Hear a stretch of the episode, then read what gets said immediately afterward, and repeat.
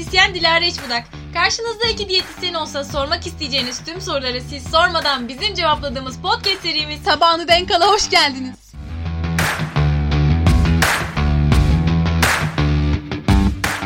Merhabalar, nasılsınız? İyisinizdir inşallah. Cevap- Cevap gelmeyecek Dilara. Bunu hep yapıyorsun. ben de yapıyorum. Umalım ki iyisiniz. Umalım. Tamam. Bu hafta neyden bahsedeceğiz? Bu hafta yağdan, kastan, nereye gidiyor bunlar, ne oluyor bunlar Daha çok yağdan bahsetmek için yine geldik. karşınızda gibiyiz. Şimdi önce şuradan bahsedelim Nihan. Vücudumuz sadece yağdan mı oluşuyor? Yani mesela biz kilo veriyoruz, tartıda sonuca bakıyoruz ya. Evet. O ne? Yani atıyorum. O o kilo değeri Neyiz neyi biz? Evet. Toplam bir kilogram değeri nedir? Aslında sadece tabii ki de yağdan oluşmuyoruz. Kaslarımız da var tabii ki. Ama oradaki değerden bir tanesi de aslında su. Yani tartıya çıktığınızda total orada gözüken sayı yağ, kas ve su kitlenizin vücudunuzda size sunduğu toplam değer oluyor aslında. Tabii içindeki makro ve mikro bileşenleri geçiyoruz Evet, ama temel yani olarak bahsedecek olarak. olursak aynen. Peki hani diyoruz ya yağ yakımı işte Yağ yaktık. yağ yaktım. Yağ yakmak önemli. He. Zayıflayacağımız zaman yağdan gitsin. Kastan Gel, kaybetmeyin. Ne demek bu yani? Yağ yakmak ne? Onu da sen açıkla hadi. Ben ne demek Dilara yağ yakmak? Çünkü bana ben sordum. lazım. Ben ya. soruyorum Dilara. Yağ yakmak ne demek? Yağ yakmak ne demek? Hı. Öncesinde de bir sorum daha var. Vücudumuzdaki yağ ne demek? Hı, tamam. Yağ var dedik yağ ne demek? Tamam. O zaman şöyle anlatıyorum. Şimdi vücudumuzda iki çeşit yağ dokusu var. Birincisi kahverengi yağ dokusu, ikincisi beyaz yağ doku dediğimiz ve aslında hep bu yağ yakma kelimesini kullandığımız nokta aslında beyaz yağ dokusu. Özellikle organ çevresini kaplayan yağ dokusu beyaz yağ dokusu. Kahverengi yağ dokusu da vücudumuzun ısısını, enerjisini sağlayabilmek adına kullandığımız bir doku. Orayı hiç konuşmayacağız. Sadece belki şunu söyleyebilirim. Ee, Yağ soğuktan e, soğuktan ve stresten etkilenebiliyor ama aslında bizim yağ yakımı dediğimiz beyaz yağ dokusunun kaybı. Evet. Peki hocam o zaman yağ yakmak ne Ne demektir? demek? Yağ yakmak şöyle bir şey. Aslında yağ hücrelerimizin içinin boşalması, içindeki e, miktarın azalması demek. Yani Ne yağ yakımı derken bunlardan bahsediyoruz. Dilara. Şimdi burada şunu da konuşmak lazım. Olup bir anda yok? Hokus pokus, abra kadabra. Harry Potter'dan replik versem daha güzel olurdu ama aklıma şu an hiçbir şey gelmiyor. Expecto Patronum! Expecto Patronum! Expecto Patronum! Neyse okus pokusunla kalıp bize yağ yakmanın nasıl olduğunu anlat. Şimdi. doluyor. Şöyle bir hipertrofi var bir de hiperplazi dediğimiz var. Trofi dediğimiz yani yağ hücresinin e, içinin dolması demek. Şu anda aslında hepimizin kilogram işte kilo aldığımız zaman e, yağ hücrelerimizin içi doluyor. Ama hiperplazi dediğimiz hücrenin sayıcı artması. Burada önemli bir nokta var. Bence Nihan buna daha çok değinmek ister. Daha çok uzmanlık alanı. Bebeklik çocukluk olmuş. E, aynen öyle. Burada şöyle e, mesela bu hipertrofidir, hiperplazi dediğim şey aslında bize bebeklikten oluşan bir şey. Yani yağ hücrelerimizin sayısının veya miktardansa büyüklüğünün artması şöyle önem arz ediyor. Mesela doydum doydum diyen bir çocuğa zorla yemek yedirdiğimiz zaman e, biz onun yağ hücrelerinin sayıca artmasını sağlamış oluyoruz. Örnek verdi bir tane örneklerden biri mesela sayıca artmasını sağlayan.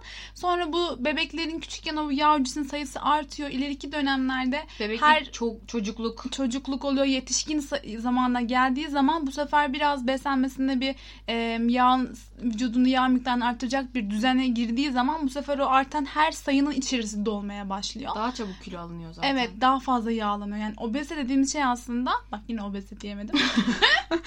obezite dediğimiz şey aslında buradan gelen. Evet. O bir yüzden şey. de çocukluk çağı obezitesi bizim için çok daha tehlikeli boyutlara getirebiliyor. Evet o yüzden çocuklarımızı da burada bir dipnot olsun. E, çok fazla yemek yemesi için zorlamamak lazım. Biraz daha o çocukluk çağında dikkat etmek Evet. lazım bu duruma. Devam et. Peki. Ee, o zaman şunu da sana sor ben sormak istiyorum. Hı. Yağ kasa dönüşür mü? Elma armut olur mu? Elma armut olmaz. Yani ya çünkü doğal bunu olarak pa- ya da kasa pasladım, dönüşmez. Sen golü Sen çakman sanki bir lazım. sorarak cevap verdiğin gibi oldu Ben ama. sana pasladım sen golü çaktın. Burada e, olmaz fakat bir şeylere dönüşür tabii ki de yağ da dönüşür yani evet dediğimiz gibi hakus pukus olmuyor vücudumuzda. Ne oluyor? Bileşenlerine ayrılıyor. e, Suya dönüşüyor. İşte kendi içerisinde başka yapı taşlarına, mapı taşlarına bölünüp işte efendim idrarla, yeri geliyor terle gibi atımları söz konusu oluyor. Kasa dönüşmüyor. Öyle bir şey yok. Fakat bu nereden geliyor? Şimdi zayıflamak istiyorlar. Diyet yaparken aynı zamanda spor da yapılıyor, egzersiz de yapılıyor. Herkes olmuyor bu ama. Yani hani şey gibi şöyle bir algı var. Spor yapıyorum diyet yaparken verdiğim yaktığım yağlar kasa dönüşüyor Hı. gibi bir durum var. Orada öyle bir şey olmuyor. Kaslar kendi başlarına tek bir yerde oluşuyorlar. Yıkılıp yıkılıp oluşuyorlar. Yağ da tek başına şey oluyor. Burada total vücudumuzun dengesi aslında değişmiş oluyor. Yani atıyorum sizin vücudunuzda yüzde 10 yağ vardır. Çok az oldu tabii ki. Normal bir yağ değil bu. Ama yüzde 10 vardır. Yüzde 20 de kas vardır. Kasınız artar. Bu işte yüzde 5 olup kasınız yüzde 35 oluyordur. O ona dönüştüğü için değil. Total yüzde değiştiği için böyle oluyor. Bilmiyorum anladınız mı? Ben de anlatırken çok anlamadım şu an ama. Yani diyor ki yağ kasa dönüşmez. Yağdan verirsiniz. O ayrı. Kas kaybedersiniz veya kas kazanır, kazanırsınız o ayrı. Kas kazanımı dediğimizde şöyle oluyor. Bu kas e, hücre yani fibrillerinin parçalanıp yeniden oluşmasıyla oluşan bir şey. O yüzden de zaten kas kazanımı işte o kadar kolay olan bir şey değildir. Zaten hani böyle görürsünüz de tanitaya falan çıkıyorsanız işte 100 gram, 200 gram anca olur. Yavaş yavaş olan bir şey. Kas hipertrofisi dediğimiz yani kas kazanımı dediğimiz şey bu ama yağ Peki kaybı bir şey soracağım. Hı. Birisi diyet yaparken e, hiçbir şekilde fiziksel aktivite yapmazsa, normal rutinine, aktifliğine devam edip diyetini uygularsa yağdan verip kas kazanır mı? Bence kazanmaz ama burada şöyle bir durum var. Eğer düzgün planlanmış bir diyet listesi ise bu yağdan verir, kas kaybetmez. Öyle Evet. söyleyebilirim. Yani özellikle ekmek konusunda karbonhidratı iyi ayarlanmışsa kas kaybetmez. Ama Ki bizim önceliğimizde yağdan verip kasımızı kaybını en aza azından indirmek. sabit tutmak. Çünkü olmayan bir şey değil ama en aza indirmek. Ee, ama böyle bir diyet listesi de yok ve sürekli e, hareketsiz bir yaşam içinde kendini aç bırakıyor. E, hem yağ kaybeder bir miktar, hem vücut suyu kaybolur, hem de e, çok ciddi miktarda kas kaybı olur. Mesela bu biraz üzücü bir örnek olacak ama kanser hastalarının genelde Evet. aşırı zayıflamalarının sebebi budur aslında. Vücut o kadar çok o işte o kitleler ya da sebep olan herhangi şey e, fazla o kadar çok enerji ihtiyaç duyuyor ki artık yağ dokuları yetersiz olduğu için e, bu sefer kastan yıkılmaya başlar derken aa hemen aklıma bir soru geldi. Şöyle bir şey var mı Dilan? Hep böyle derler. İlk önce yağ yakılır, sonra kasa geçilir diye bir döngü var. Bu nasıl oluyor Aa, aklıma vücudumuzda? gelmiş. Şimdi geldi bak bunu maddelerimize yazmamıştık. Bence söyleyelim. Yani şimdi şöyle bir durum var. Vücut her zaman ihtiyacı olduğu şeyi harcamaya başlar. Yani e, önce yağ yakılır, sonra kas yakılır gibi bir şey yok. Dediğimiz Vücut bunu gibi anlamıyor. Aa, önce sırada yağ var şimdi demiyor. sıradaki gelsin demiyor aynen. Yağ ihtiyacı olduğu zaman ve en çok yağ neredeyse en çok nereden feragat edebiliyorsa oradan başlar. Ama dediğim gibi siz eğer düzgün bir programlamayla bu işi yürütmüyorsanız o zaman vücut zaten nerede neyi kullanacağını bilemediği için enerjini nasıl ayarlayacağını bilemediği için aynı zamanda kas kaybı da sağlayabilir. Yani bu böyle sırayla olan e, yavaş yavaş çürüdüğümüz bir şey Durum değil. değil. Hatta ve hatta düşük karbonhidratla beslenip yüksek proteinle beslendiğiniz bir diyette de kastan kaybedersiniz. Aynı zamanda çok yüksek proteinli beslenmek karaciğer böbrek hasarına da sebebiyet verebilir. Ben bir de şunu anlatmak istiyorum. Bu bence önemli bir konu. Burada kas kaybı dediğimiz işte kolum bacağım sarktı işte lömbür lömbür olduğundan çok öte bir şey bu anlattığımız.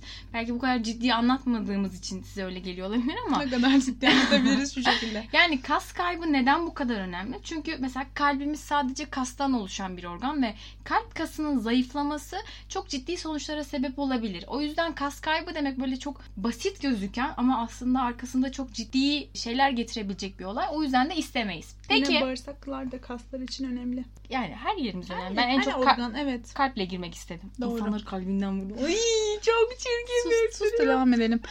Evet sıradaki konumuzsa yağ kasa dönüşür müyüz söyledik. Peki yağ kaybı sağladık. Yağ dokusundan kayboldu ama neredeler? Nereye gittiler? Nasıl gittiler yani? Belki bir e, tuvalette bir klozetin içerisinde gidiyor. Belki kimisi benim Alnından süzülüyor bir damla ter olarak. cebine girmişti. Ya, evet. Şunu anlatmak istiyoruz sanırım. İçi boşalan hücrelerdeki o yağlar şöyle gider. Ee, su. suyun olduğu yerlerde yani idrarla, terle ve dışkıyla atılır. Eğer olay yağ kaybıysa bu nedenle de çok önemli. Çünkü neyle atacaksınız ki? Terleyemiyorsunuz çünkü vücutta su yok. İdrara çıkmıyorsunuz su yok. Dışkılama yok su yok. E nasıl atacaksınız? Yağdan kaybetmeye başlasanız bile vücut atamayınca geri depolayacak. O yüzden e, yağ yakmak için ah bak yine bir güzel güzel bir konu geldi Bu da aklıma. düşünüp düşün kendi kendine. Hayır saçma sapan cümlelerle giriş yapıyorum. Aklıma yeni bir şey getirtiyor.